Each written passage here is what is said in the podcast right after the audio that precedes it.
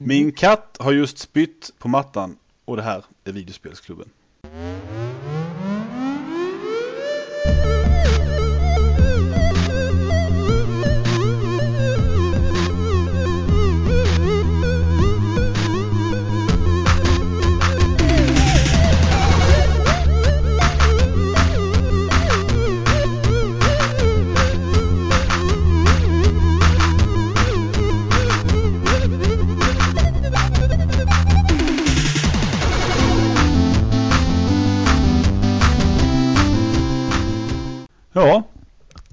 Det här är vårt andra försök för ikväll eh, men eh, vi kör ändå. Mitt namn är Stefan Gassimaluk Ganser och jag har med mig Cyborg Lenny Adamsyk.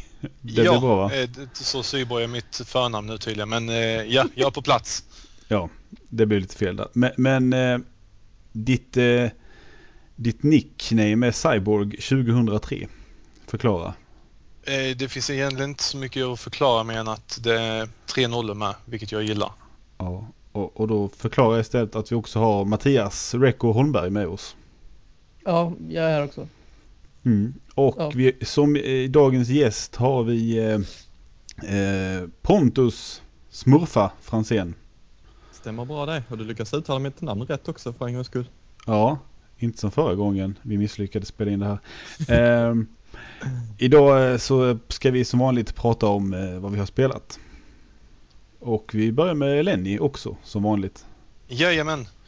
Jo, som vi sa i första försöket så har jag spenderat ett antal timmar med Need for Speed Most Wanted. Och eftersom jag var så uppspelt och fartgalen, fartblind i förra avsnittet så eh, förklarade jag kanske inte så jättebra vad det gick ut på mer än att man körde snabbt. Och, var, du sa väldigt många gånger att man körde snabbt och att det var kul. Ja, det, det är ju så kul att köra snabbt. Ja, men... I tv-spel. I tv-spel. Ja, precis. Så, ja. Nej, men... Eh, absolut, till viss del. Men i varje fall, eh, spelet går ut på att du, eh, du ska försöka arbeta upp till toppen som eh, the most wanted och det gör du genom att köra race i eh, staden som du befinner dig i.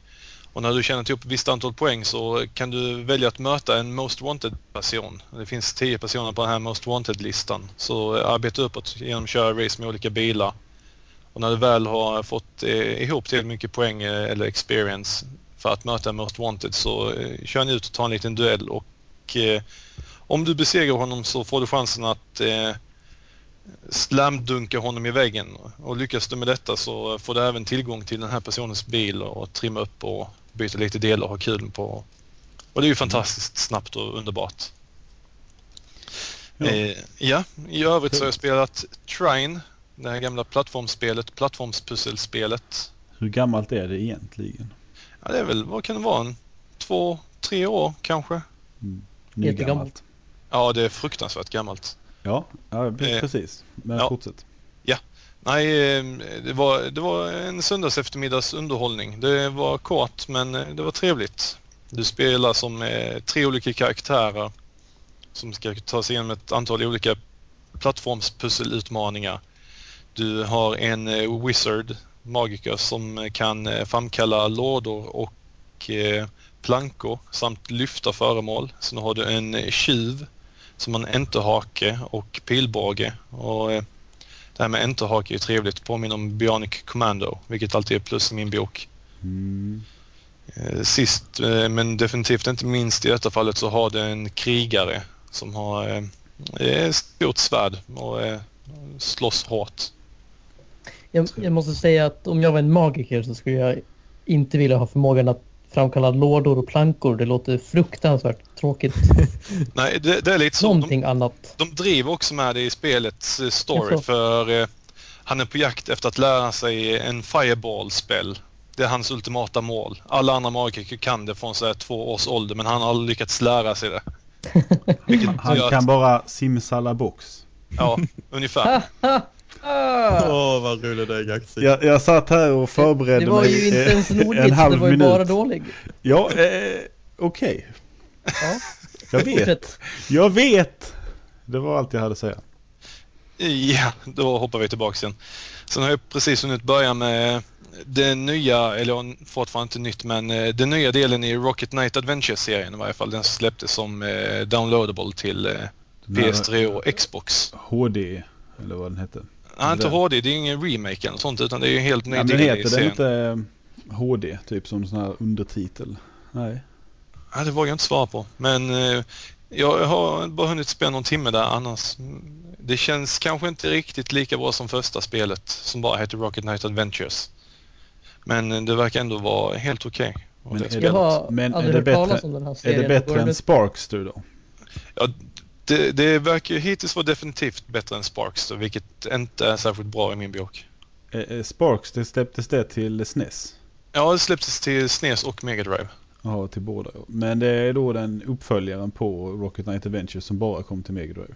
Ja, precis. Och eh, Sparks då gjorde ju allting sämre så som Okej. jag känner just den här serien. Och jag tyckte Mattias frågade om du hade inte hört talas om serien. Aldrig någonsin. Vad går den ut på?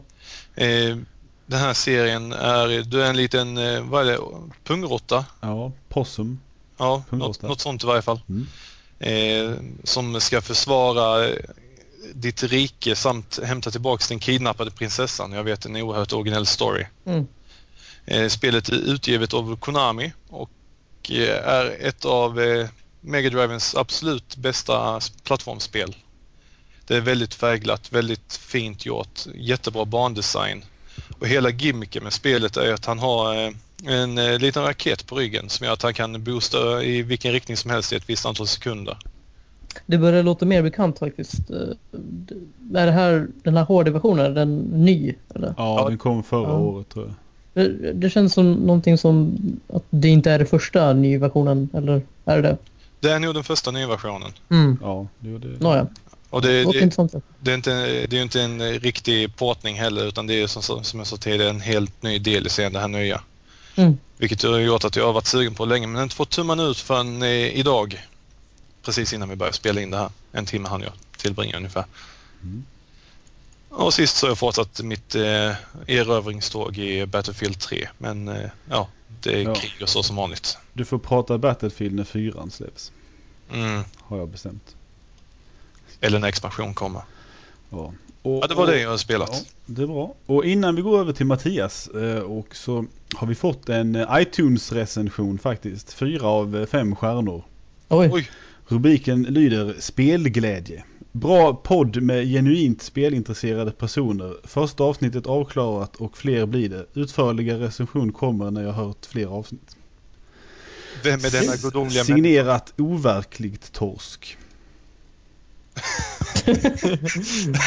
Ja, ja. Okej, nej vi, vi kanske inte ska börja skämta om en lyssnare som har berömt oss. Nej. Nej, nej. nicknamet.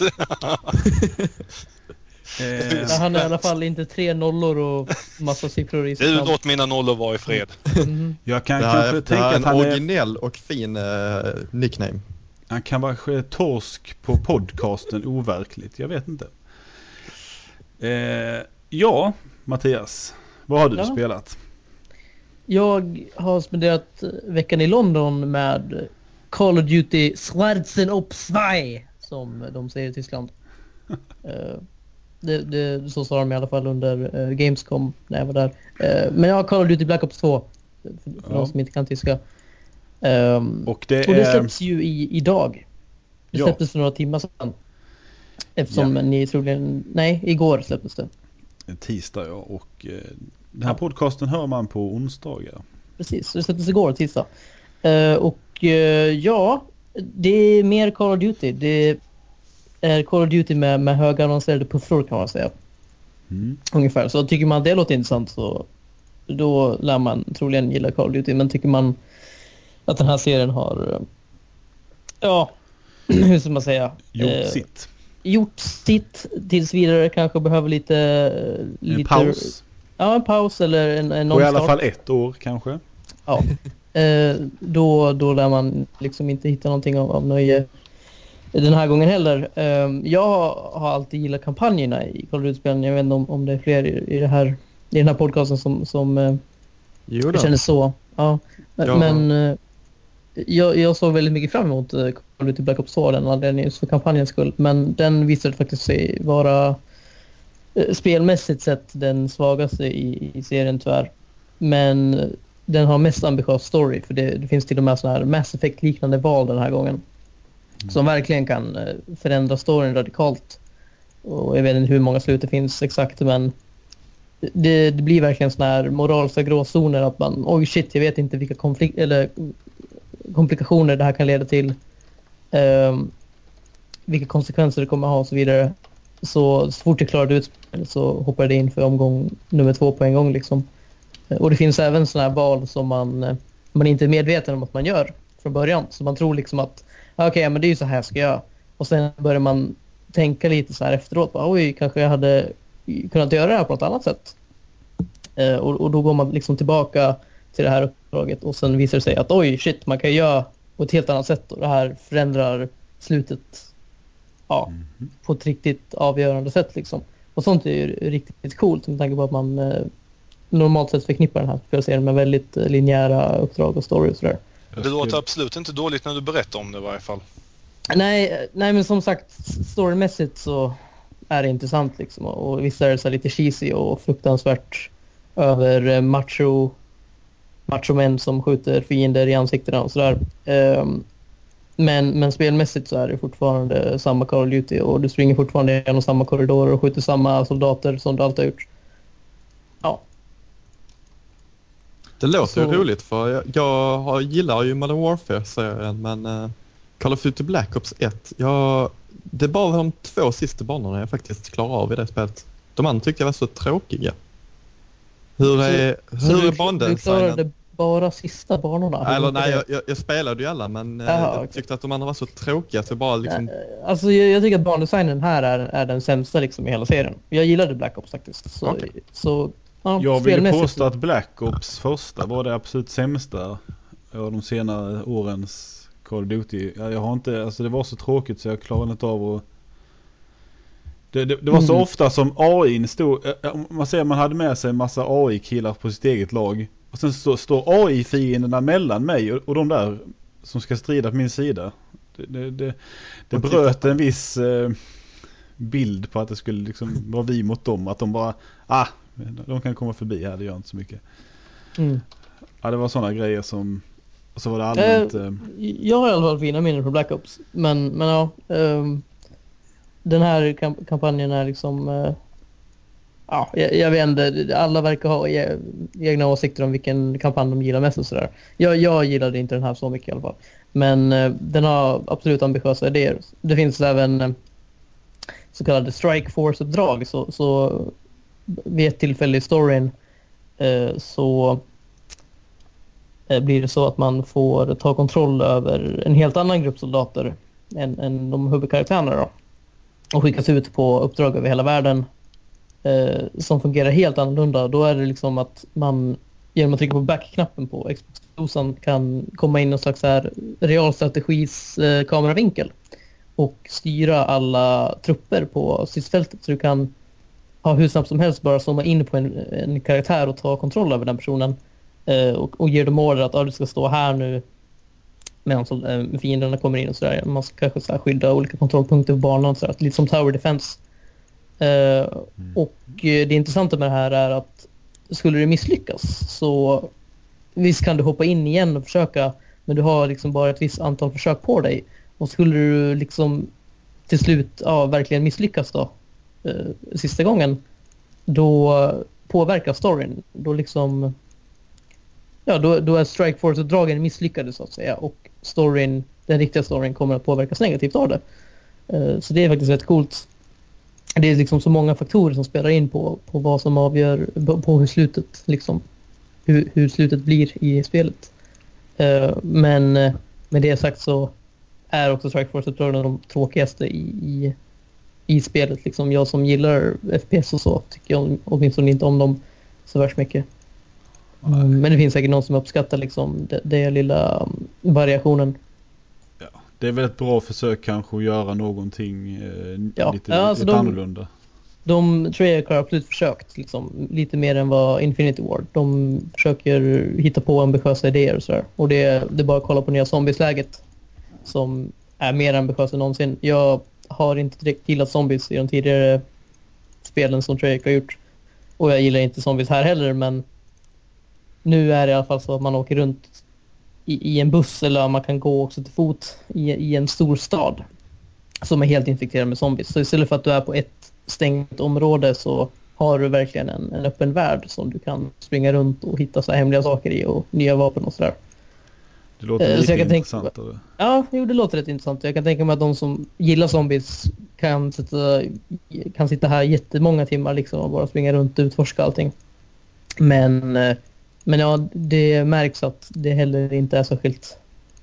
Det är rätt underutvecklat liksom. Det är inte lika polerat som eh, multiplayer-komponenten är. Och det är ju liksom där, det är ju därför man spelar Call of Duty, för att spela multiplayer. Som nu är, är bättre än någonsin. Det är liksom... eh, eh är, är så mycket eh, så mycket e-sport anpassat den här gången. Liksom man kan streama live till Youtube, man kan kommentera matcherna eh, direkt i spelet och, lägga upp på Youtube och eh, massa sådär och hålla koll på sina klaner och så vidare. Eh, så gillar man e-sport så kommer man absolut älska ja, Call of Duty Black Ops 2. Mm. Mm. Och sen har de också även gjort några grymma liksom, förändringar i själva systemet till multiplayer. Så istället för killstreaks så är det nu scorestreaks. Så du behöver inte döda folk för att få liksom, tillgång till helikoptrar och skit. Utan du behöver typ bara skaffa poäng. Du kan fånga liksom, motståndarens flagga eller vad som helst. Och det är Assiste- det är mer, mer att för att gynna det här med att man ska kunna vara lite mer lagspelare. Man be- behöver inte vara den som dödar Precis. bara. Precis, typ att eh, så här bekräfta kills i kill confirmed eller assist, assistera folk med kills och sådär så får du ändå poäng. Det kommer ju ta längre tid än om du dödar folk men liksom folk som eh, ja, inte alltid är de som skjuter snabbast eh, har fortfarande chansen att, att göra någonting. Ja. Ehm, sen ett annat system som jag verkligen gillar är att de har gjort om klasserna. Så tidigare så har det haft så att du har ditt gevär och du har ditt andra vapen, typ en pistol eller någonting eller en shotgun. Eh, och sen har du kunnat haft en attachment var på dem och sen tre perks, eh, en, en typ av granat och sen kanske någon så här special eh, equipment som så här eh, en kniv eller en så här tactical, jag kommer inte ihåg vad de heter men man kan kasta ut så man kan spana där nästa gång man dör. Men den här gången så är det så att allting man, man lägger i i sin klass är värt en poäng. Och en klass kan totalt ta 10 poäng. Så vapnet du använder är en poäng. Eh, din perk är en poäng. Så det du kan göra är att du kan ta bort dina perks. Så du, du kan, behöver inte ha några perks aktiva och sen kan du lägga de poängen på något annat. Till exempel extra attachments i ditt vapen eller eh, extra granater. Men du kan också göra tvärtom genom att ta bort dina granater och lägga in fler perks. Så jag, jag tror att du kan ha sex perks aktiva. Det finns nämligen sådana här wildcards som låter dig ta två perks i varje grupp. Så om du har alla wildcards aktiva så kan du...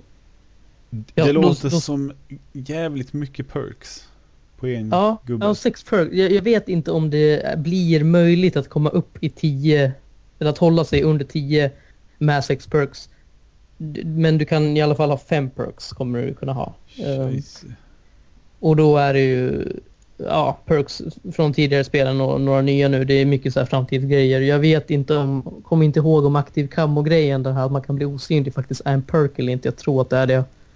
Mm. Ehm, och sådär. Och, sen, och de nya scopesen, attachmentsen är, är också rätt coola. Det finns sådana här sonar som skickar ut en signal och eh, som gör så att du kan se genom väggar på 30 meters avstånd. Ah, wallhacks. Ja, det, fast du kan ju fortfarande inte skjuta genom väggarna. Eh, och sen eh, Aha, Forerunner Vision. Ja, Promethean Vision ja. Eh, Ja.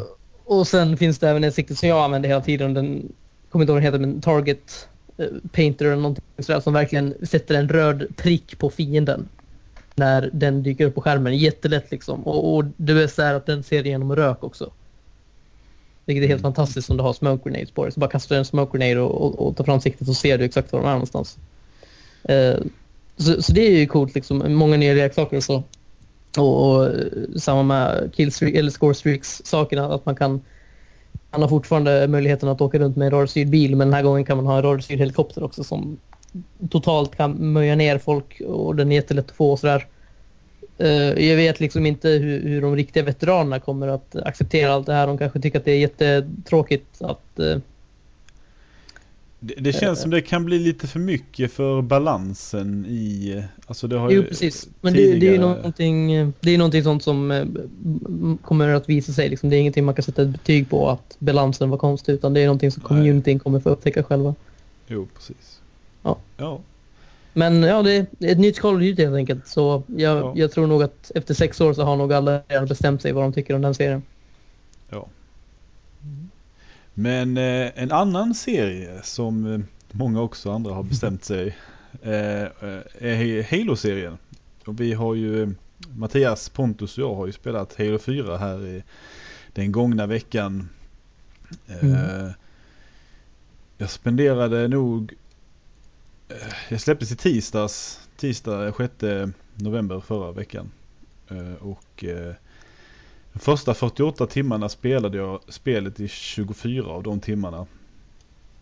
Det var ju... Det var lite lite tycker jag faktiskt. Ja, Nej. faktiskt. Ja, det Nej, var men- lite. Nu blir jag besviken här. Ja. Ja, jag tror jag spelade åtminstone 30 Ja, men timmar. Shit. Ni är Ja, alla men, sjuka i huvudet i vilket fall som helst. eh, men jag tänkte, Mattias pratade om, om eh, spelet förra veckan så vi kan väl, jag tänkte mest, eh, håller med om att eh, eh, kampanjen, det är fint och det är snyggt och det låter bra. Det är mycket, mycket Halo i det hela. Det är inte så jätte, det är en del nytt men inte, inte extremt mycket nytt. Det jag tänkte, ville mest prata lite om är, är multiplayen och hur jag tycker att de här nya systemen eh, fungerar och så vidare. Och Mm. jag måste säga att eh, att kunna sprinta eh, hela tiden i stort sett är fantastiskt. Det är så man ska kunna göra i spel. Man ska inte behöva trampa runt som någon jäkla eh, slö gubbe. Nej, jag håller med dig. Det är fantastiskt att kunna göra detta. Och Alltså sen när så, man, när man går tillbaka till att inte sprinta. Det är då man uppskattar det. Då bara shit vad segt det går. Ja. ja, Eh, och man kan ju ha den här eh, uppgraderingen som gör att man eh, spring, kan springa oändligt också. Som jag kör med ganska ofta. Det är trevliga grejer. mm, Men sen tycker jag att eh, armor abilities känns mycket mer eh, balanserat på något vis. Alltså man har tagit väck den här fruktansvärda armor lock som jag tyckte förstörde rätt mycket i Halo Reach. Den, Mm. eh, eh, och eh, lagt till lite nya varav eh, eh, Promethean Vision är, eh, är kanske, den är lite, det är det här man kan se som en sonar, precis som du sa där i, man kunde göra i Call of Duty. Att eh, man ser folk inom väggarna. Och, men eh, jag tycker ändå de har balanserat ut den rätt bra genom att man ser eh, en röd puls på radarn. Och även det vibrerar väl i handkontrollen också när man har blivit Mm. detected. Det Mm. märker man kanske inte mitt under en eldstrid men just den här. jo, jag, jag gör faktiskt det. Ja, men eh, eh, ja. Eh, mycket bra. Jag gillar eh, multiplayern. Förutom Det, ja. att, att man inte har friendly fire i de här eh, nya Infinity Slayer-lägena. ja, alltså det, det är ju... Jag vet Framförallt- inte riktigt. Alltså, jag, jag Framförallt tycker för att att, jag, jag har sett upp för att skjuta folk hela tiden och sen så får jag reda på att det ligger till så. Ja. tycker Nej, men det- precis. Jag tycker det är synd att de har tagit bort äh, Assault-läget. Det var ju ett Ja. av mina favoritlägen. Samma här. När, när det kom i Halo 2 och man spelade Assault Neutral Bomb på Waterworks. Det var liksom helt fantastiskt. Men Precis. Och, för alla som inte vet så går det på att plantera en bomb i fiendebasen och sen ska den eh, sprängas på ett eller annat Mm. sätt. Men det jag gillar mest med, med Halo 4 är att när Halo Reach kom så tänkte jag så bara okej, armor build, det ser ju rätt coolt liksom. Men det var ingenting som jag liksom eh, kände egentligen gav någonting nytt i spelet. Den här gången så är armor builds liksom en essentiell del av det känner jag. För att de Ja. är, de är inte bara balanserade, de har ett samspel. Liksom. Att eh, aktivkammon och hologrammet liksom gör det på ett sätt negativt att använda Promethean Vision. För alla har Promethean Vision är den första armorbilden du har. Liksom, alla har den. Och det är jättemånga som använder den i början och shit man kan inte stå stilla utan någon vet vad den är. Men sen använder man liksom de här andra armor buildsarna för att kontra den och då inser man att ah, okej okay, men fan Promethean Vision är ju långt ifrån den bästa armor builden som finns. Då, då liksom ja, man kontrar den helt enkelt. Det är sånt jag gillar när de eh, där det blir en helt ny nivå av spelande där man liksom kan lura folk genom att eh, okej okay, jag lät han se mig med Promethean Vision men nu står jag på min aktiv camo så att han bara oj shit vad tog jag vägen och sen dödade jag honom bakifrån med en shotgun liksom. Sånt är ja. fantastiskt. Det är mycket mer balanserat tycker jag med, för att innan var det ju den här armorlocken var ju fruktansvärt uh, overpowered. Ja. Men uh, numera så är alla de här abilitiesarna är ju ungefär bra på sitt sätt och alla har sina egna nackdelar. Mm. Och jag gillar de här, vad heter det, Tactical Upgrade och eh, någonting. Package. Just det. Eh, så man kan ändra lite grejer som att du kan, eh, som jag sa, springa oändligt eller ladda om snabbare. Eh, bära två primärvapen. Alltså du kan modifiera det lite mer till att passa din egen spelstil. Eh, mm. Och det, det gör det att det blir roligare helt enkelt. Man känner att man spelar lite mer som man vill. Men nu ska vi inte prata mer om Halo, tänkte jag. Ehm, Pontus, har du spelat något annat i veckan? Eller något du vill? Nej, alltså... Nej, jag har faktiskt inte spelat någonting annat än uh, Halo 4 alldeles för mycket känner jag så här i efterhand. Och sen har jag spelat lite Mass Effect 3. Jag var ju en kraftig motståndare till multiplayer från början men uh, sen har det visat sig att den är ganska underhållande multiplayer-delen också så jag har faktiskt kört lite av det. Mm, jag kommer ihåg att jag, jag spelade typ så första dagarna eller någonting så har jag rört den sedan dess. Ja men alltså den är faktiskt roligare till exempel Horde-läget i Gears of War och uh, uh, vad heter det i Halo som de hade i Halo Firefight. Fi Firefight precis. Ja, den är mer varierande än de här lägena tycker jag så att den är den blir inte riktigt lika tråkig lika snabbt. Men jag, jag känner att folk håller på att tycka att den håller på att dö ut för att det är inte alls lika mycket folk som spelar numera. Mm. Mm. Och jag har ju då som sagt mest spelat Halo 4 men jag har även eh, klarat Duke Nukem Forever, The Doctor Who Cloned Me ah. igår. Nice. Det var mycket roligare bo bossstrid i slutet av den än i själva spelet. Ja, alltså rent generellt så är den där expansionen bättre än någonting i det riktiga spelet. Ja. Tycker jag. Och den är ganska lång ändå. Det tar ja. timmar. Så det är helt klart värt om man spelade originalet och tyckte att det var ganska bra. Ja, då tycker vi går vidare till nyheter. Förra veckan pratade vi om att man skulle göra film av Castle Wolfenstein. Och nu visade det sig att det ska komma en ny, det ska göras en ny Mortal Kombat-film. Det är, uh -oh. Warner har meddelat att man kommer lägga en 450 miljoner dollar på en ny eh, Mortal Kombat-film som ska regisseras av Kevin Tancharoen som gjorde Mortal Kombat Legacy som jag inte riktigt vet vad det är för film men uh... Mortal Kombat Legacy var en webbserie på samma sätt som ah, Ja just det, det var den ja. Nu kommer jag... Uh, jag såg faktiskt inte den men han, innan han gjorde den här webbserien så gjorde han en så här sju minuter lång minifilm typ. Som folk eh, undrade, oj vad är det här för någonting? Är det en ny Mortal Kombat-film? Och den var riktigt jävla grym. Jag så jag hoppas jag verkligen att, den, faktiskt. Eh, att, om, att den, om den här filmen blir eh, hans vision av, av den kortfilmen fast i en längre version så kommer det här kunna bli skitbra verkligen. Och, och det säger jag som inte ens gillar Mortal Kombat-filmerna. Nej, men det är kanske då man ska ha hopp för de där gamla Mortal Kombat-filmerna är väl kanske inte det bästa som har eh, filmats. Nej. De just... Men de gjorde bra ifrån sig i alla fall. Det är ja. troligen därför de eh, tillåter budgeten att vara så pass hög. Ja. Men det måste varit ganska länge sedan sista Mortal Kombat-filmen gjordes ändå. Jag vet inte om det kom tre, fyra. Jag vill säga 95, 96. Ja. De kom eh, rätt eh, kort eh, på varandra. Det var samma, ja, de bytte ut några skådisar. Men... Ja. Och jag har sett dem flera gånger tyvärr. Så här, så här efteråt. Ja, eh, nästa nyhet är att eh, sju stycken Navy Seals har bestraffats för att de, eh, De gav ifrån sig lite för mycket information när de hjälpte till under utvecklingen av Medal of Honor War, Warfighter. Eh, de har, jag tror de fick halverad lön i två månader för att de eh, har pratat om saker som de inte ska göra.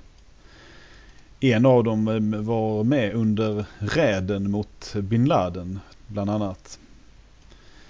Vilket jag också förstår har inspirerat till ett uppdrag i spelet.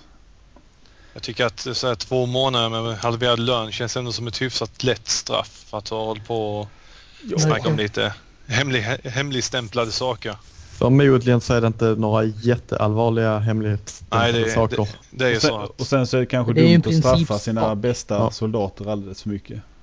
De är ju ganska vältränade ändå. Jag vet inte, Ja, alltså, om jag styrde landets säkerhet så hade jag sett till att den här personen inte jobbade inom militären alls. Ja, det har du kanske rätt i. Men det, det kan som sagt kanske inte ha varit. Det är några detaljer som kanske inte de Ja, tyckte jag, var... jag tror inte att det är något jätteallvarligt för i så fall hade de fått ett värre straff. Ja, Mm. kolla bara på Wikipedia-killen. Precis. Ja. Eh, och under den gångna veckan har vi fått veta mer om eh, Grand Theft Auto 5. Woho! Och det ska bli jättestort. Ma- Man har pratat om en värld som är fem gånger större än den i Red Dead Redemption. Nej, nej, nej. Det här är underbara nyheter. Ja, nu kan du köra bilar i en sån stor värld. Ja, men eh, det, det mest intressanta är väl det här med tre huvudkaraktärer. Varav man kan, nå- någon är bad guy och någon är good guy. Och det blir lite mer, eh, inte bara kriminell människa man spelar. Det Mm. gillar jag däremot. Det är riktigt eh, intressant och kan säkert bli så här riktigt spännande story om, de, om det blir så här intressanta interaktioner mellan dem. Men den här spelvärlden är ju... Ja, jag kunde bry mig mindre verkligen. För, alltså, först och främst så borde man ju förstå att ehm, det kommer ju inte bara vara en stad utan det kommer ju vara så här berg och... Ja ehm, visst. Eh, ja. Mycket, Mm. mycket eh, ganska tomt. Underbart. Ja, men jag menar, nej, jag tycker att de ska lägga fokus på något annat än att bygga världens största spelvärld. Liksom, ha sub- lite substans i den istället. Kolla på Saints Row till exempel. Det är liksom, det är ju inte världens största vir- virtuella spelvärld, men det finns ju garanterat mer att göra i den spelvärlden än vad det finns i, i Red Dead Redemption liksom. Jag tycker de kan göra ett nytt Red Dead Mm. Redemption istället för att hålla på med sånt här Jag, jag, nutidstrams. jag som i alla fall älskar GTA-serien, jag eh, jublar för det här. Framförallt för att vi får tillbaka våra flygplan och eh, vi får ju alltså, jag gillar det här att köra omkring i landsbygden och faktiskt bara inte göra någonting speciellt utan bara köra omkring och glida på vägarna. Och det verkar ju som eh, de kommer lägga till mycket aktiviteter och allt möjligt i den här världen. Så att eh, tycker man om sånt här öppen värld där man kan göra lite allt möjligt så är det väl helt... Stefan, var det du som berättade om att man kunde spela tennis? Ja, Ja. tennis och golf Ja. har jag läst bland Tennis och annat. golf? Ja, nej, det, Ber- det bergsklättring. är eh, ingenting för mig det. det Tydligen så ska det finnas en eh, valuta, något valutasystem som eh, fungerar också. Jag vet inte riktigt hur, de har inte gått in på detaljer men eh, Nej. det verkar rätt intressant. Däremot skulle man inte kunna köpa fastigheter vilket jag tycker är lite småtråkigt för det är ganska kul att ha. Och, Ja, eh, Y-City när man köpte fastigheter och hade så, som hade egna uppdrag. Det var faktiskt riktigt, riktigt kul. Oh ja, fantastiskt. Det skulle de haft. Mm. Mm. Nej, men eh, det kan nog bli. Idag onsdag när ni lyssnar på detta så ska det finnas en trailer ute. Ny trailer för spelet. Så det blir- Mm, fast den blir nog för uh, senad på grund av Mhm. Sandy, läste jag precis. Okej. Ja. Då var det inte så att, att, att den skulle ha kommit tidigare än idag onsdag? Om det inte hade varit för Sandy. Jo, så var det kanske. Ja. För jag, för jag Sen tyckte med att den skulle, de pratade om förra veckan eller något innan. Alltså att den, ja. Men, eh, för jag läste detta senast idag. Ja, ja, jo men Ja. då är det Vidare så har Gabe Newell på Valve eh, uttalat sig lite mer om att eh, de håller på att utveckla en ny spelmotor. Och att de är lite, han har väl sagt något om också att de, de, de väntar på spelet att lägga ut den med. Mm. Half-Life 3 Gabe, Mhm. för djävulen. Är, det, är det verkligen så att det är stort begär för Half-Life 3 inom den här podcasten? Vad sa du nu?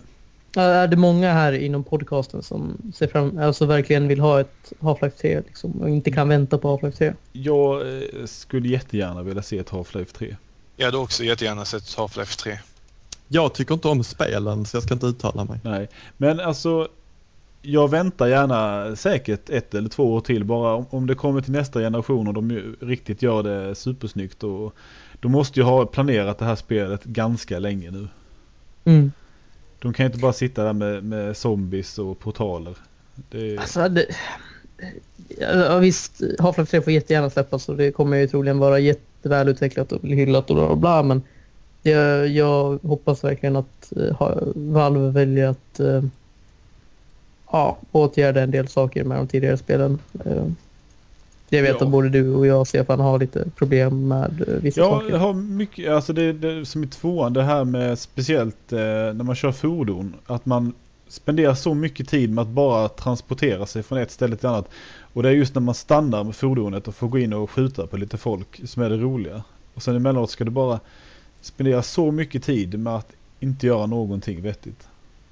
Mm. Och det, det, det är sånt också även i de här eh, episoderna en del. Och, eh, att man mer, när man kör fordon i spelet, om vi tar Halo till exempel, då gör man någonting under tiden man kör. Men i många segment i, i Half-Life 2 så är det bara att man, man bara kör. Av just den anledningen så, så gillade jag Episod 1-expansionen mest. Trots att den blev ju så här, alla sa att de ogillade den typ. Eh, och Ja, sen var- eh, den, eh, hy- blev Episod 2 jättehyllat fast det var liksom den sämsta delen. Enligt mig. den slutade fruktansvärt dåligt. För, för, Ja.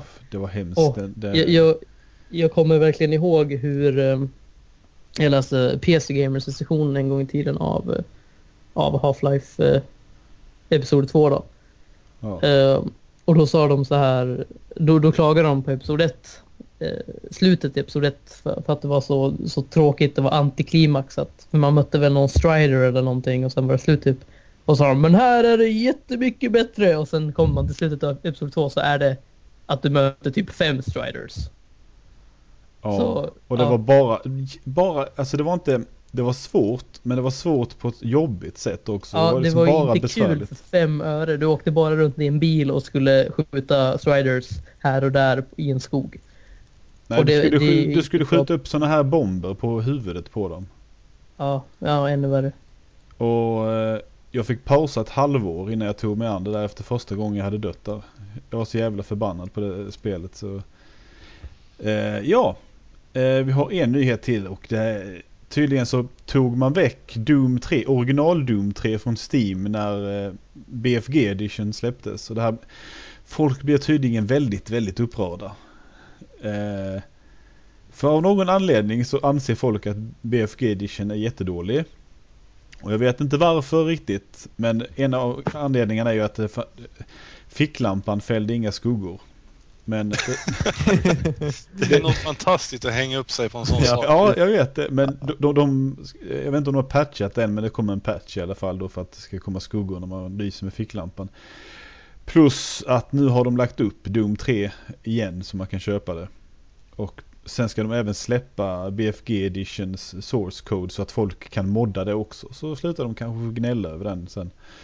För det var väl mycket att de kunde då, man vill ha den versionen för att då kan man, eh, man kan lägga till alla moddar som har tillkommit under året. Jag eh, vet ingenting om dem så jag kan spela BFG Edition eh, med ett leende på läpparna förutom att jag är jätterädd för att det är mörkt.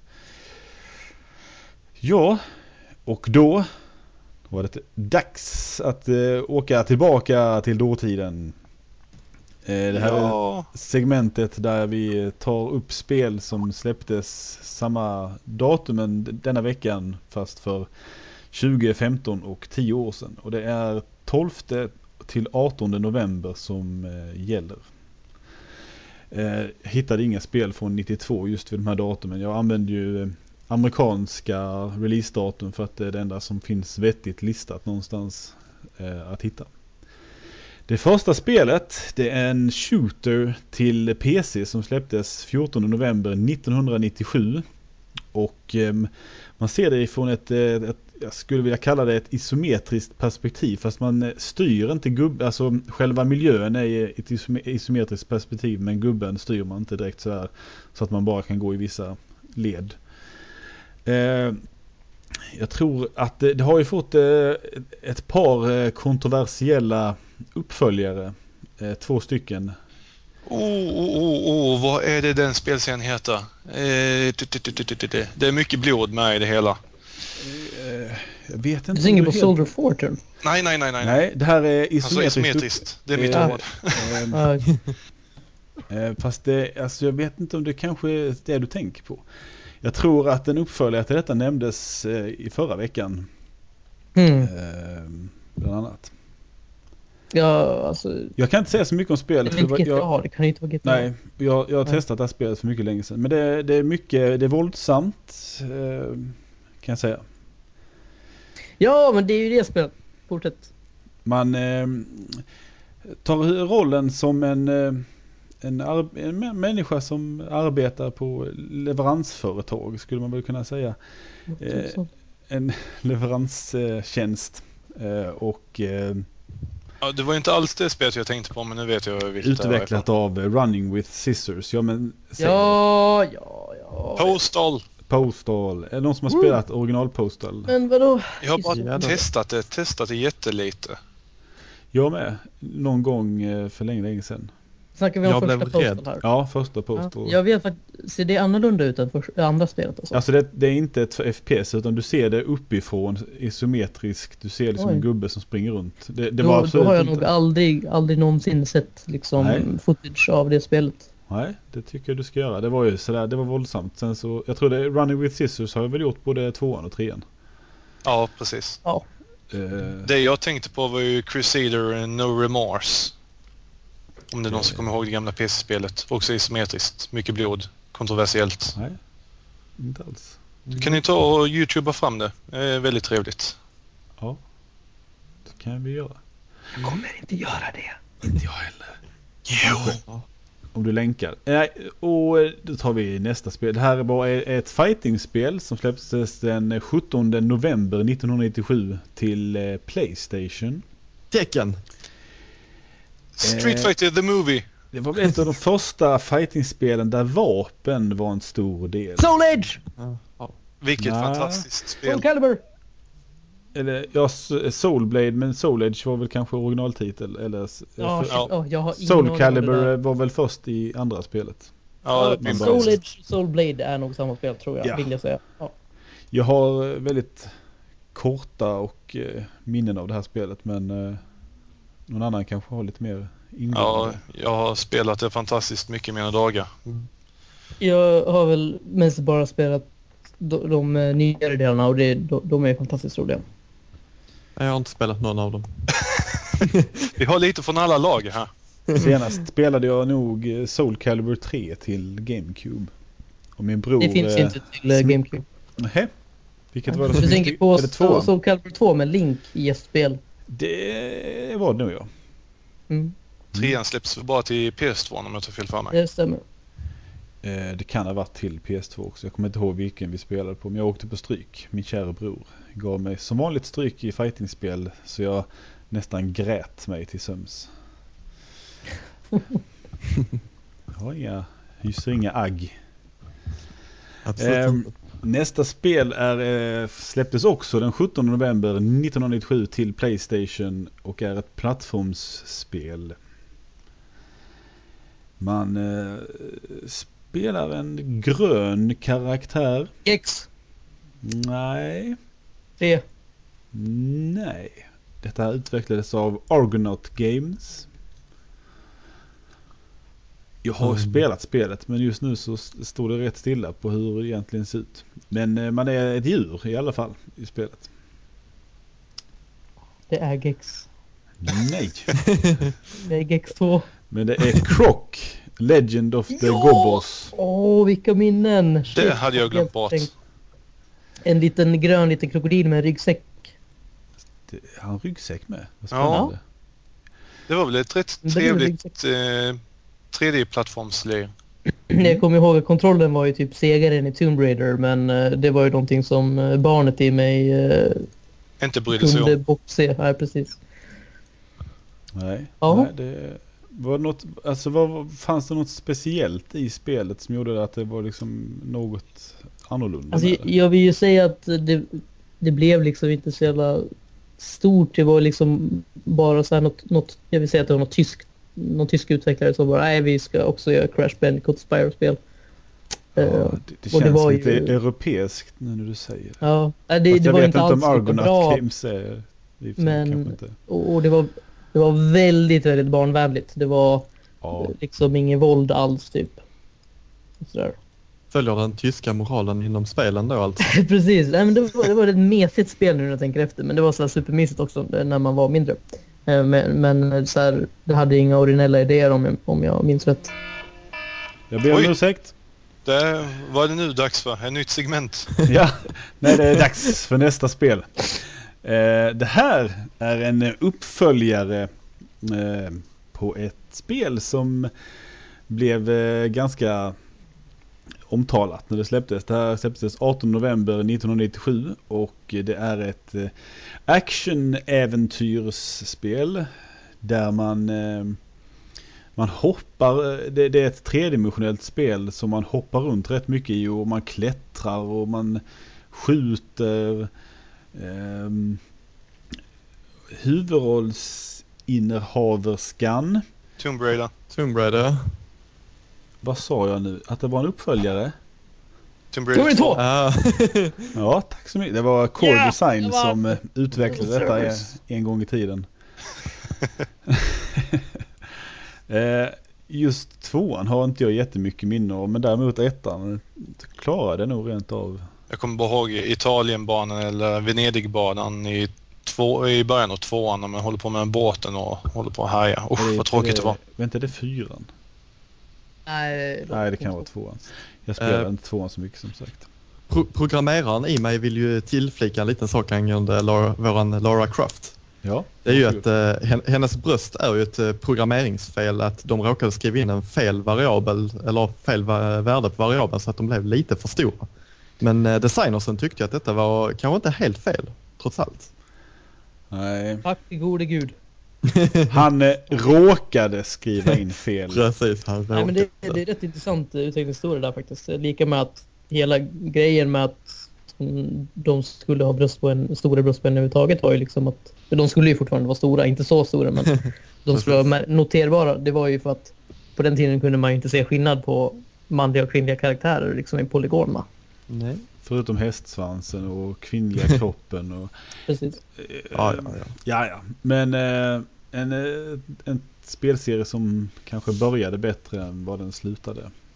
Du, nu... Jag, jag gillar Tomb Raider-spelen oerhört mycket, även de senare delarna. Inte det här Angel of Darkness-crapet och det som inte Eidos helt fuckade upp. Mm. Det var så mycket potential där men sen beslutade de sig för att nej, det här spelet ska ut nu om en månad typ och det är inte klart för fem öre, skicka ut det ändå liksom. Och sen, eh, sen kommer ju de här eh, Legend och Anniversary och Underworld och de spelen är faktiskt fullt spelbara, de är riktigt coola, mycket bättre än de här Ja. första generationsspelen. Oh ja, de är fantastiska. Men det, eh, ja, det är kontrollen jag, som jag är vill jobbigt hålla dem. med bara Precis. där på Legends har jag spelat lite. Det, det kändes ganska spännande. Och det, är- det är ju bara kontrollen som Pontus sa i de tidigare spelen som de, det har inte åldrats bra för fem öre. Liksom jag har fortfarande Tomb Raider Last Revelation, jag tror att det är fjärde delen, som jag spelade för ett år sedan och jag kom inte längre än fem minuter innan jag var tvungen att stänga av för att jag ville spy typ. Men, eh, men trots det så Tomb Raiders framtid har ju aldrig varit ljusare. Nästa år så kommer liksom rebooten och ja, för mig är det årets mest eft- efterlängtade spel. Samma. Det ser trevligt ut. Oh ja. Mm. Nästa spel är ehm, ett eh, GameCube-spel som släpptes den 12 november 2002. Utvecklat av eh, Flagship.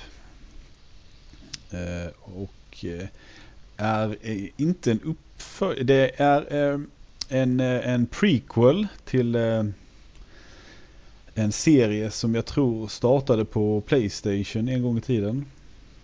Eh, Den engelska titeln på serien är inte samma som den japanska. Eh, och Flagship är ju då en eh, Capcom-studio för de som inte visste detta. Som även utvecklade Zelda The Minish Cap för att eh, inflika det.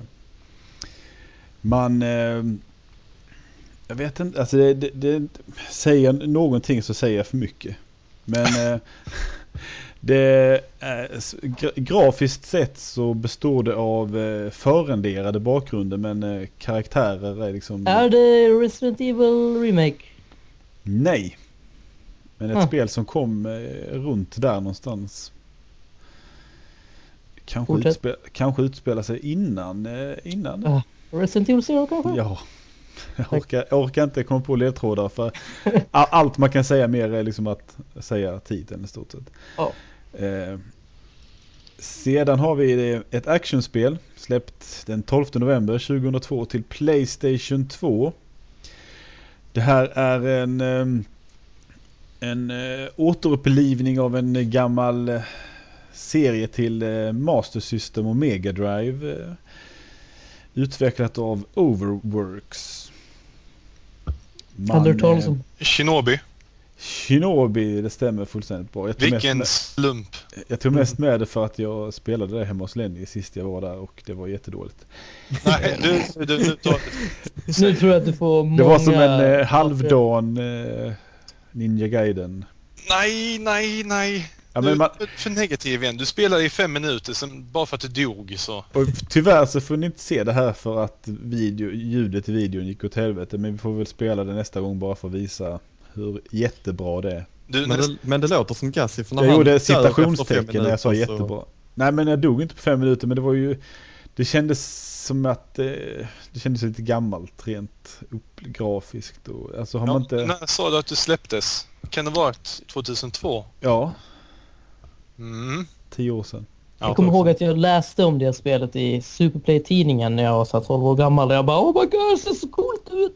Det är jättebra egentligen. Det är bara. Gassi som är negativ.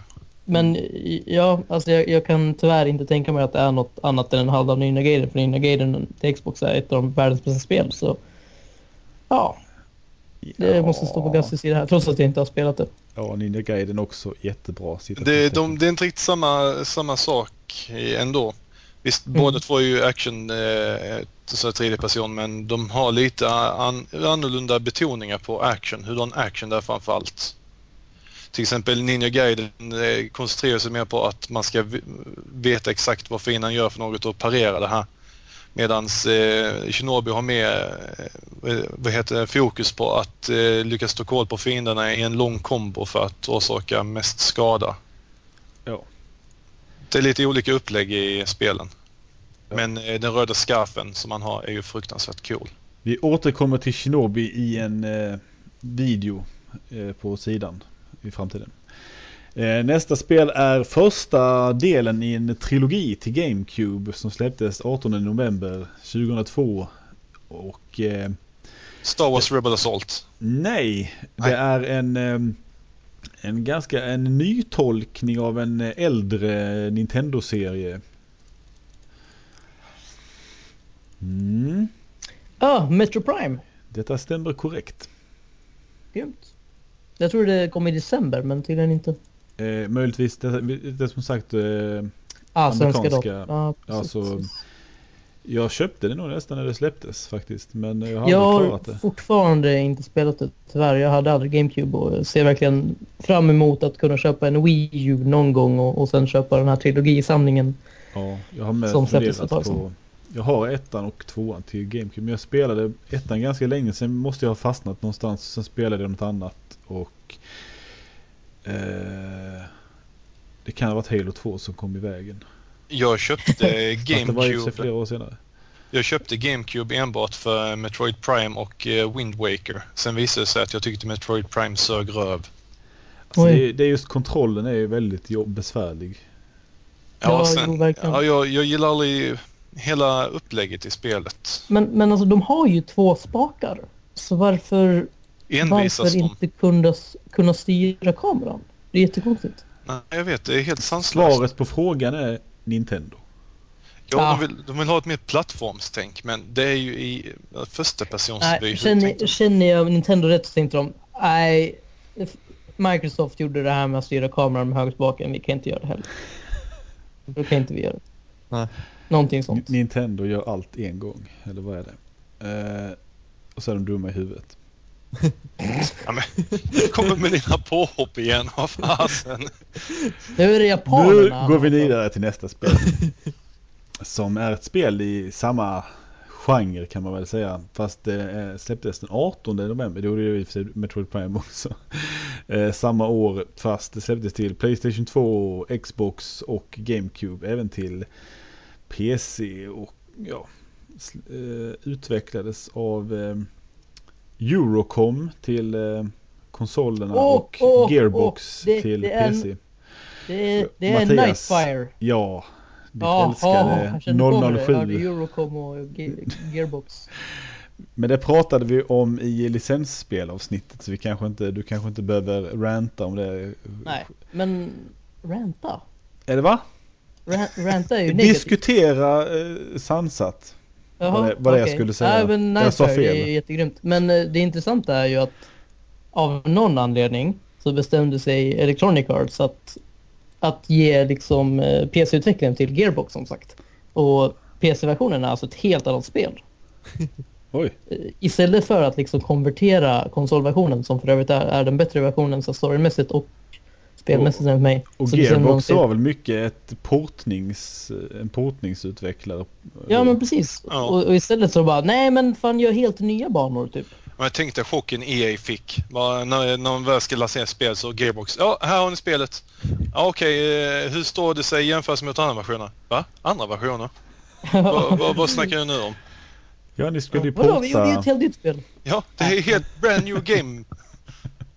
Ja, Så det är en Ja. här jätteabsurd grej att de- har samma mellansekvenser, samma Okej. röstskådisar, men helt andra banor.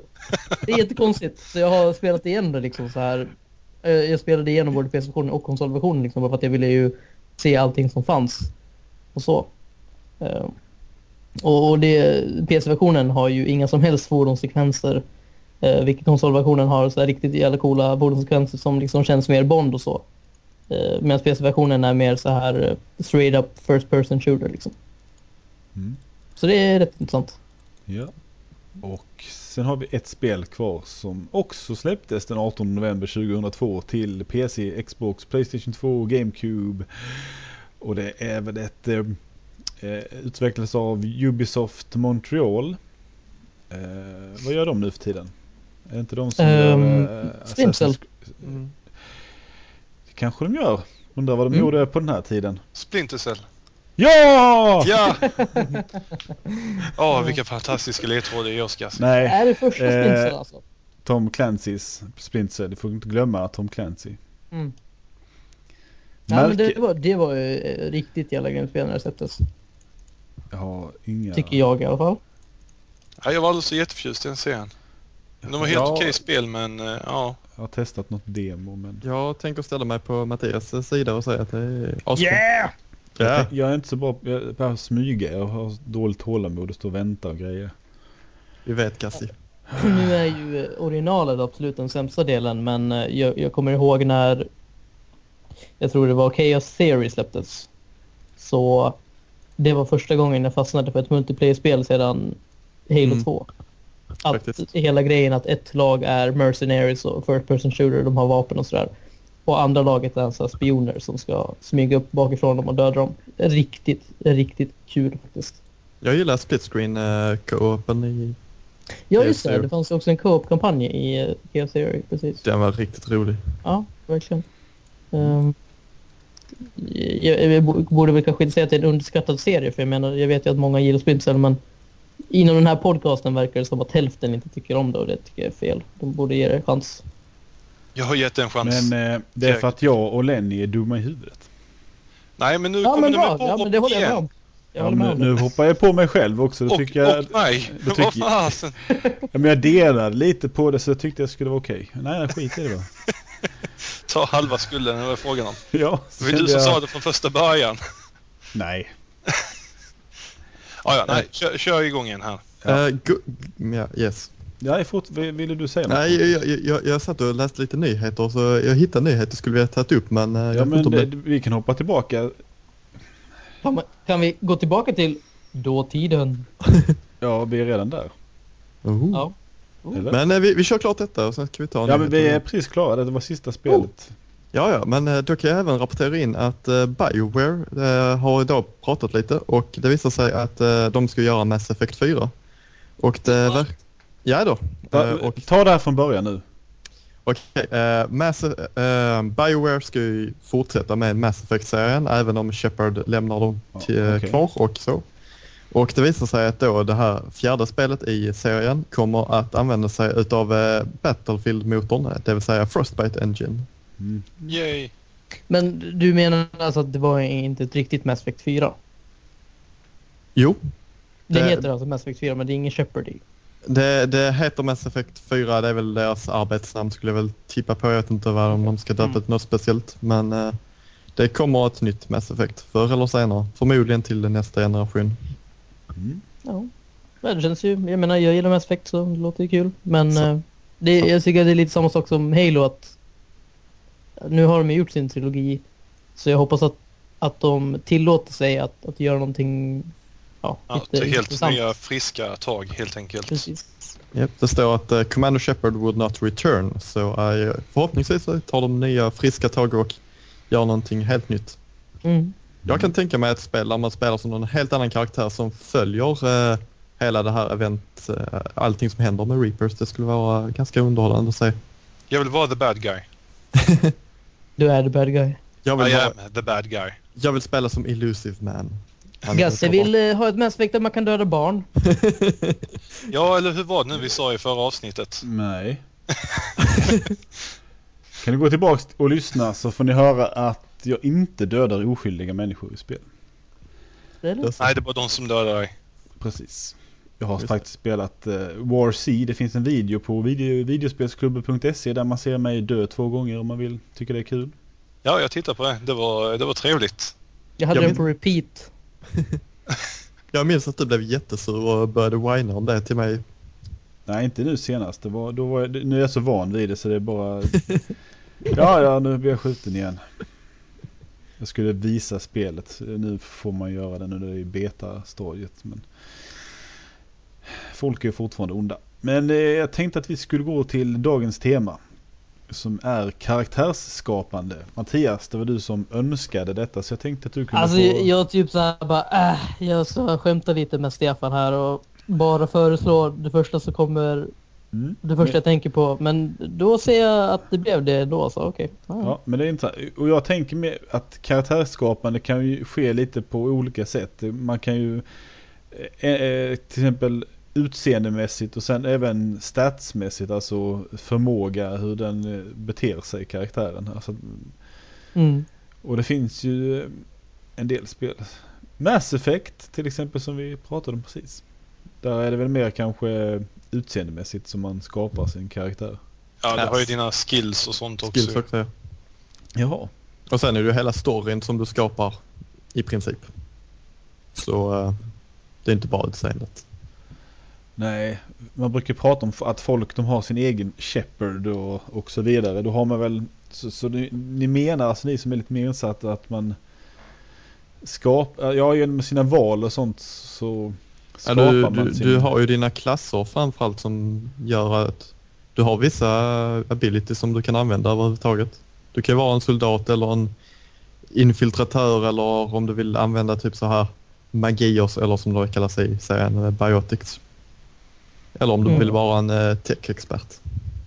Och sen också som sagt valen man gör i storyn. Så om du är en Renegade Shepard så kommer du ju få R i ansiktet. För att ja, Shepard dör ju i det andra spelet och sen när han kommer tillbaka så, så börjar sig en, en massa R visa sig i hans ansikte om han inte om man inte kör mig om, om när jag var god i Fable och fick flugor och horn. Men då Mm. är man ju inte god. Och dessutom så är Commander Shepard en kvinna. Precis. Ja just det, Det- är också en, stor del att Ja de är jättemånga så liksom tycker ju att man, det enda sättet man kan spela spelet på är att ha en femkäpp så att säga, en uh, kvinnlig Shepard. Mm. Ja, min, min, min Shepard var en kvinna och hon ser ut som en smått eh, retarded Carina Berg. Du menar Eh, Carina Berg? Ja, den svenska eh, tv-aktrisen. Ja, eh, det jag försökte säga här var att smått retarded Carina Berg equals Carina Berg. Nej, nej, nej. Nej, och Nej, inte okej. på långa vägar. Jag har ju visat mina andra skapelsefärger. Då kan jag tänka hur en små Åh, fy potatis ser ut. helvete! Eh, Alltså, ja, Lennys skapelser i karaktärsskapare är ju horribla. Jag tror det finns en länk till den här eh, dvärg-Hitler i, någonstans i... Lenny, Första den gyllene regeln är ju att Lenny får inte skapa liv. Jo, Tycker jag. Det borde vara it's alive! It's alive! Det är lite så jag känner mig. Det är så de ser ut också. Ja, Men, men det är ju så, så intressant att Lenny är ju verkligen så här som skapar eh, dvärg-Hitler. Jag försöker alltid skapa ja, men en karaktär som passar in i spelvärlden och som, som jag inte skrattar åt så fort jag ser den. Utan någon, någonting som liksom är eh, någon som skulle kunna existera i den här spelvärlden och som har en plats i storyn och, och kan föra storyn vidare och så. ja men det kan ju föra storyn Mm. vidare även fast det är roligt. Ja, jo, kanske i Saints Row, men jag skulle inte springa, springa runt i en, i en seriös spelvärld och liksom eh, leva mig in i den om jag såg ut som en dvärghitter. Eh, Ja, men nu ska jag vara elak och säga att kolla på Steve Buscemi. Han är ju jätteskådig. Men, men jag, vill, jag spelade ju Mass Effect och eh, jag hade ju hjälm på min Shepard hela tiden. Och det var just för att jag hade misslyckats ganska drastiskt i vad jag försökte göra i... Jag minns detta för du skickade en bild till mig och jag tror att Ja, jag alltså jag- avstod den så roligt det var. Han, han, han blev väldigt asiatisk helt plötsligt utan att jag försökte. Och jag, jag, jag kunde liksom, sen försökte jag göra något annorlunda med honom. Men han vägrade liksom gå ifrån det här. eh, han- Jag kan han- verkligen se mig framför dig hur du trycker på en knapp. Ja, men nu ska vi göra det här så blir han asiatisk. Bara, Nej, inte sådär! Och så trycker du på en massa andra knappar och så blir det värre och värre och värre. Han, han var liksom bara, ah, en, eh, en, eh, en mix mellan en europé och en asiat och han vägrade vara något annat. Så jag gav upp. Och, och så Men, tänkte jag, eh, "Nej, jag står ut med det här. Men jag, åh, när man såg honom i mellansekvenser och jag, det var det hemskt. Inte nog med att jag inte riktigt orkade spela spelet men att se den där Shepard hela tiden det var... Jag hade fnissat. Det vore Ja, det fantastiskt om jag med. spelet kände igen att, att din karaktär var ful så att karaktärerna i spelet liksom så här, inte vill titta dig i ögonen riktigt. Nej, Han- var inte- Han, han var ful, han var, det var något, något som Han var bara asiatisk. Han var bara konstig. Eh, Jag tycker vi ska släppa det asiathatet vi har. nej men eh, han, han, han ser ut att ha någon form av... Eh, nej, Ja, men alltså, när det kommer till Mail Shepard så i och med att man fick se den här standarden i uh, trailers och så hela tiden. Så jag, jag, jag tycker inte det finns någon annan Mail Shepard än just den som är uh, default-karaktär. Mark Vanderloo heter Ja, han. och det var ju han Precis. jag ville ha sen efter ett tag. Jag ville bara ha den där Då kunde du jäveln. bara tagit typ uh, set Jo, to default. Men, Men eh, då det hade jag behövt börja om. Jag ville bara starta och sen skulle jag testa liksom ska- karaktärsskaparläget där och sen... eh, Men eh, nu kommer jag tänka på eh, Elder Scrolls-spelen. Jag har Mm. mest bara spelat eh, Oblivion. Och alltså hur man än gör där så ser ju karaktärerna helt förskräckliga ut. Ja, Ja, det var himmelriket. Ja det kan jag tänka mig. För, för hur du än gör så ser de ju helt... he- faktiskt. Det är något fel. Det går inte att göra några snygga karaktärer varken i Oblivion eller Skyrim. De ser Nej. mongolida ut. Jag, jag förstår inte riktigt vad de tänkte med eh, när de gjorde en karaktärsskapan. Tittar de inte själva på parametrarna? Nej. Var frågan om. Nej. Men det är liksom, En- det, är det, är något är fel du- på parametrarna men det är liksom deras, de har en viss design på hur en ansikten och sånt ser ut. Och det är den som gör att hur den gör så... Ännu jobbigare liksom- tycker jag är ju det faktum att du gör din karaktär i ett sjukt konstigt upplyst område. Där det är typ en fackla som lyser upp bara så att du ser ju bara typ halva ansiktet och det, det är felaktig ljussättning. Så att när man väl liksom tycker okej, ja men nu ser den bra ut. Så kommer man ut i fullt dagsljus efter en så här två timmars tråkig tutorial. Så ser den helt uppåt väggarna galet sjukt fil ut och man bara Jaha, men så ser den inte ut i mörkret. Ja men det kanske förklarar varför karaktärsskaparen var så jävla dålig också. Utan det är ju inte som Ja. att de bara Åh nej vi måste göra om hela spelmotorn för karaktärsskaparen är ju fan dålig. Ja, men sparka karaktärsskaparen istället. Ja. Men det blev väl lite bättre i Skyrim tyckte jag. Ja, det blev såg Lite, men ändå inte bra. Men det är fortfarande svårt att göra någonting som ser vettigt ut. Ja. Men eh, om vi hoppar över lite till banor vi tar med karaktärerna. Så jag tänker mer på vilka banor ni sätter ut era poäng på och så. När ni får de valen. Hur ligger det till hos er? Um, jag... Eh, det är såklart olika beroende på liksom vad, man- vad man känner för. Men om vi, om vi ska ta Mass Effect en, en gång så Mass Effect är ju ett rollspel liksom. Det är ju inte en, en tredjepersonsskjutare på det sättet. Uh, och jag eh, har liksom aldrig riktigt kommit överens med varken strategispel eller rollspel. Så jag väljer alltid den här soldatklassen för det är det enda jag kan spela i Mass Effect. Jag kan inte gå runt med biotics och fokusera på massa abilities och sådär, utan för mig är det bara liksom sikta med styrkorset eller hårkorset och sen skjuta på det jag kollar på. Så jag lägger ju mina poäng i sånt mest. Och jag är precis tvärtom så att jag, jag brukar vara vanligtvis en infiltrator så jag lägger mina poäng typ, typ i ett sniper och att eh, vara osynlig och hacka mig in i saker. Mm. Allmänt överlag så brukar jag lägga mig i den att jag är rogue och försöker backstabba så många folk som möjligt. Mm. Mm. Så Ja, i. Mass Effect så var jag infiltrator till exempel. Det kan ju inte så mycket backstabba som att skjuta dem i ryggen istället. Ja, jag, var, jag var soldier men jag kände också att jag behövde mest bara kunna försöka skjuta rakt på och mörda folk i alla spel i stort sett. Alltså styr, styrka och... Ja. Men, men om vi så ser det på det här sättet då att om vi, om vi skulle behöva välja mellan att ha en character creator, det vill säga du får göra utseendet och namnet och könet och även färdigheterna på karaktärerna i alla spel. Eller att, att ha en, en karaktär som eh, utvecklarna har skapat, som de har skrivit storyn runt kring, som de bestämmer själva namnet på, som de beställ, bestäm, själva bestämmer liksom eh, vilken väg man ska ta eh, när det kommer till färdighetens utveckling och sådär. Vilket skulle ni föredra? Att bara ha character creators eller bara ja, redan bestämda karaktärer? Det beror ju ändå lite på hur den linje du tänker när man har en character creator. Det beror på lite Mm. hur, eh, alltså vad det är för typ av spel, alltså vad, vad det är för story som ska berättas. Man kan ju inte ha, Jag kan inte välja en av dem utan jag vill ju fortfarande ha båda. ja, Mm. lite blandat. Jag tänkte på, på Halo, där är man ju i, i mm, kampanjen är man ju bara Master Chief till exempel. Men i, eh, i multiplayer så kan du ju eh, omvandla din eh, Spartan 4 krigare. Precis, eh, alltså med rustningsdelar och, och så vidare. Mm. Eh, och, och det har ju gått från eh, några små modifikationer i, i Halo 3 var det väl. Började där och sen blir det mer. Ja, det har funnits redan i bara- Halo 1 faktiskt. Ja det kanske Ja, du kan ändra färgen väl i ettan bara. Ja. Men eh, nu, nu för tiden så kan man ju då få dem att se ut som någon sån här Transformers från de här senaste filmerna. Det är någonting Mm. hemskt ut som man vill Usch ja. spy på dem. Typ. Men, men eh, här, här är det viktigaste för mig är ju mitt emblem. Jag måste ta upp mitt emblem. ja, Usch ja, denna eviga diskussion om ditt emblem. ja. Ja, mitt, ja han, mitt, du fick ju den i- igår. Ja, igår kväll. Det var en Mm. fröjdefull jul. Nej, natt.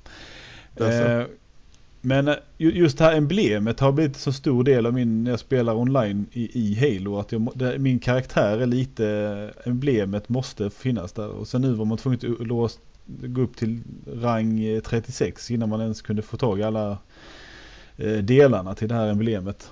Hur Och mycket har ni spelat? nu känner jag mig fruktansvärt komplett. I min, I min karaktär. Nu kan jag liksom känna att nu, nu, nu, nu, spelar jag ordentligt. Ja. Gratulera! Ja, Nej, tack. men jag, jag kan men- eh, relatera till det där liksom med alla karaktärsskapare att, att eh, man får ju verkligen en egen identitet av det. Just i, i Mass Effect till exempel att det är din Shepard. Det är liksom inte ja, Shepard gjorde det här utan min Shepard gjorde det här. Precis. Istället för ja, Master Chief då som alla har ju exakt samma berättelse med Master Chief liksom. Min Shepard försöker ragga på så många som möjligt. Så det är fel. Mm. How's that working out? Di- Din är nog inte den enda kan jag tala om för dig. Nej. Men alltså som du säger där, jag skulle ju till exempel inte kunna spela till exempel Halo, Halo-serien om det hade varit en speciell Master Chief. Det hade ju inte funkat tycker jag. Så att Nej. det, nej, usch nej. Men, men i multiplayer så, du har din Det är ju karaktär, men du sak. har inget ansikte på din karaktär. Så för mig är mitt emblem, det är mitt ansikte som jag har skapat Mm. är min Ja. identitet i, i multiplayer där. Just att det finns ett emblem också bara det, Så att, eh, det är inte Och jag där som, har, jag, där har jag bytt genom alla fyra spelen, typ ungefär. Ja. Identitetslös, själlös människa. Ja. Det är jag det. Det gör det. Ja. Kan vi inte ta och diskutera bästa karaktärsskaparspelet någonsin? Fallout 2. Oj. Eh, Oj. Menar du alltså när det kommer till att skräddarsy en- ens poäng nu? Du menar inte utseendet? Nej, du, du kan tyvärr inte göra så jättemycket med utseendet. Nej. Men eh, just med poäng och hur du spelar spelet, vad som händer. Alltså jag, jag tänker säkert så här någon... eh, Typ Spore till exempel. Det är ju fantastiskt liksom. Så att, Ja, att du, det- du skapar en livsform och sen... eh, Alltså om, om du kollar på en karaktärsskapare i Saints Row till exempel, eller i Mass Effect, då skapar du ju en människa. Så här, ja du kan ha den här färgen på skägget om du vill det. Det är liksom inget mer än det. Men i Spore så skapar du ju en, en egen livsform och du bestämmer exakt hur den ska se ut själv. Om den ska ha, armar, var armarna ska sitta, hur många den ska ha. Bla bla bla bla, bla. Så det, det är nog den för mig. Liksom. Och sen att spelet märker av liksom att ja, det här är ett ben. Så när den rör sig så ska det här göra det här. Så ja, det är en spår. För min del. Jo, den eh, generatorn är väldigt trevlig, eller den karaktärsskaparen. Det är kul att sitta och kladda med den. Mm. Men vad skulle du säga om Fallout 2? Jo, det var ju det att eh, det spelet har ju så fruktansvärt många möjligheter att skräddarsy varje eh, spelgång. I och med alla de här otroliga valen du har. Som att, ja till exempel, ja, kan vara en porrstjärna eller fuska i boxningsringen eller ja, döda småbarn om du har amerikanska versionen eller som kan... Men det här alltså, låter till- som ett Nej. intressant spel. Så, så, så man kan inte göra det i den europeiska versionen? alltså? Nej, de plockar bort alla småbarn från vet, ni spelet. vet, Tyskland. Ni vet. Ja, just det. Tyskland och Frankrike. Och Europa. Ja, och jo. Men, är, är, eh, det, är det inte i typ Fallout 2 man kan övertala slutbossen om att han ska ge upp? Ja, Om man har till, eh, ut den här övertalningsförmåga Ja. eller något sånt här. Kan man inte göra det i alla Fallout-spelen? nej jag tror inte det. Det är för, jag tror att det är första spel man, man absolut kan göra det i. I alla Ja. fall. För då är det den här datorn med tre röster. Medan i, i Fallout 2 så slåss man med, mot någon eh, människa i någon stor rustning istället. Sen samtidigt så är det så, eh, gör man sin karaktär så ubåta dum så är det nästan ännu roligare att vara jättesmart och läsa de dialogerna som gubbarna har. Det är så sjukt roligt så om ni får chans att ta och se om ni hittar någon genomspelning på Youtube där man har intelligence på noll ungefär. Ja, det kan man inte ha så låg men alla, alla behandlar ju dig som så här byns efterblivna och ja, de, de dialogerna där, de är helt sanslöst roliga. Det är som när han, när det är en gubbe som tror att han är en hund för att han är så retarded och Ja, det, Ja, det har jag spelat igenom många gånger och det, det finns ju så många olika sätt att spela igenom, igenom det på. Det verkligen skiljer sig i sätten också. Ja, men det, Mm. det är ju ett prima exempel då på där man eh, där karaktärsskapandet verkligen spelar roll. Mm, det gör det definitivt. Ja, är det något mer eh, karaktärsskapande ni vill? Eh... Nej. Nej, Jag känner mig rätt Nej. färdig. Ja. Ja, Då, då, då är det snart dags att eh, säga hej då. Men först så ska vi gå igenom eh, alla våra kontaktuppgifter.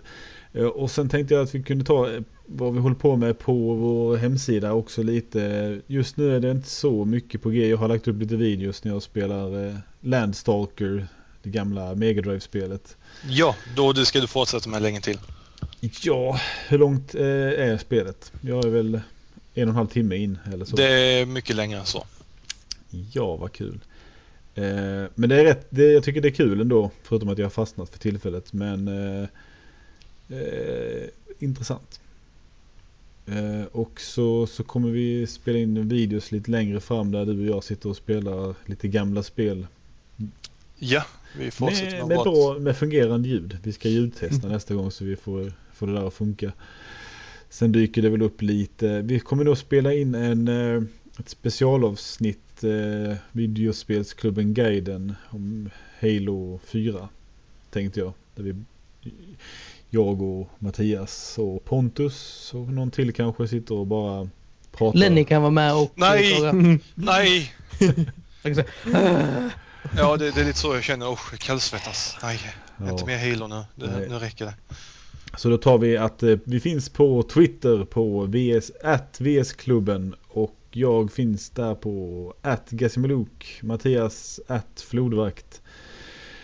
Eh, vi finns också på Facebook.com slash eh, videospelsklubben och e-mail har vi på hej at videospelsklubben.se. Eh, sen hittar man oss, podcasten finns på iTunes där man gärna får recensera och säga åh vad bra ni är. Och allt, all den här informationen finns ju också på videospelsklubben.se. Så eh, vi säger hej då för den här gången. Hej då! Tack Hejdå. och adjö. Tack för att ni ville ha mig. Ja, vi. Ja, det ville ni ju egentligen.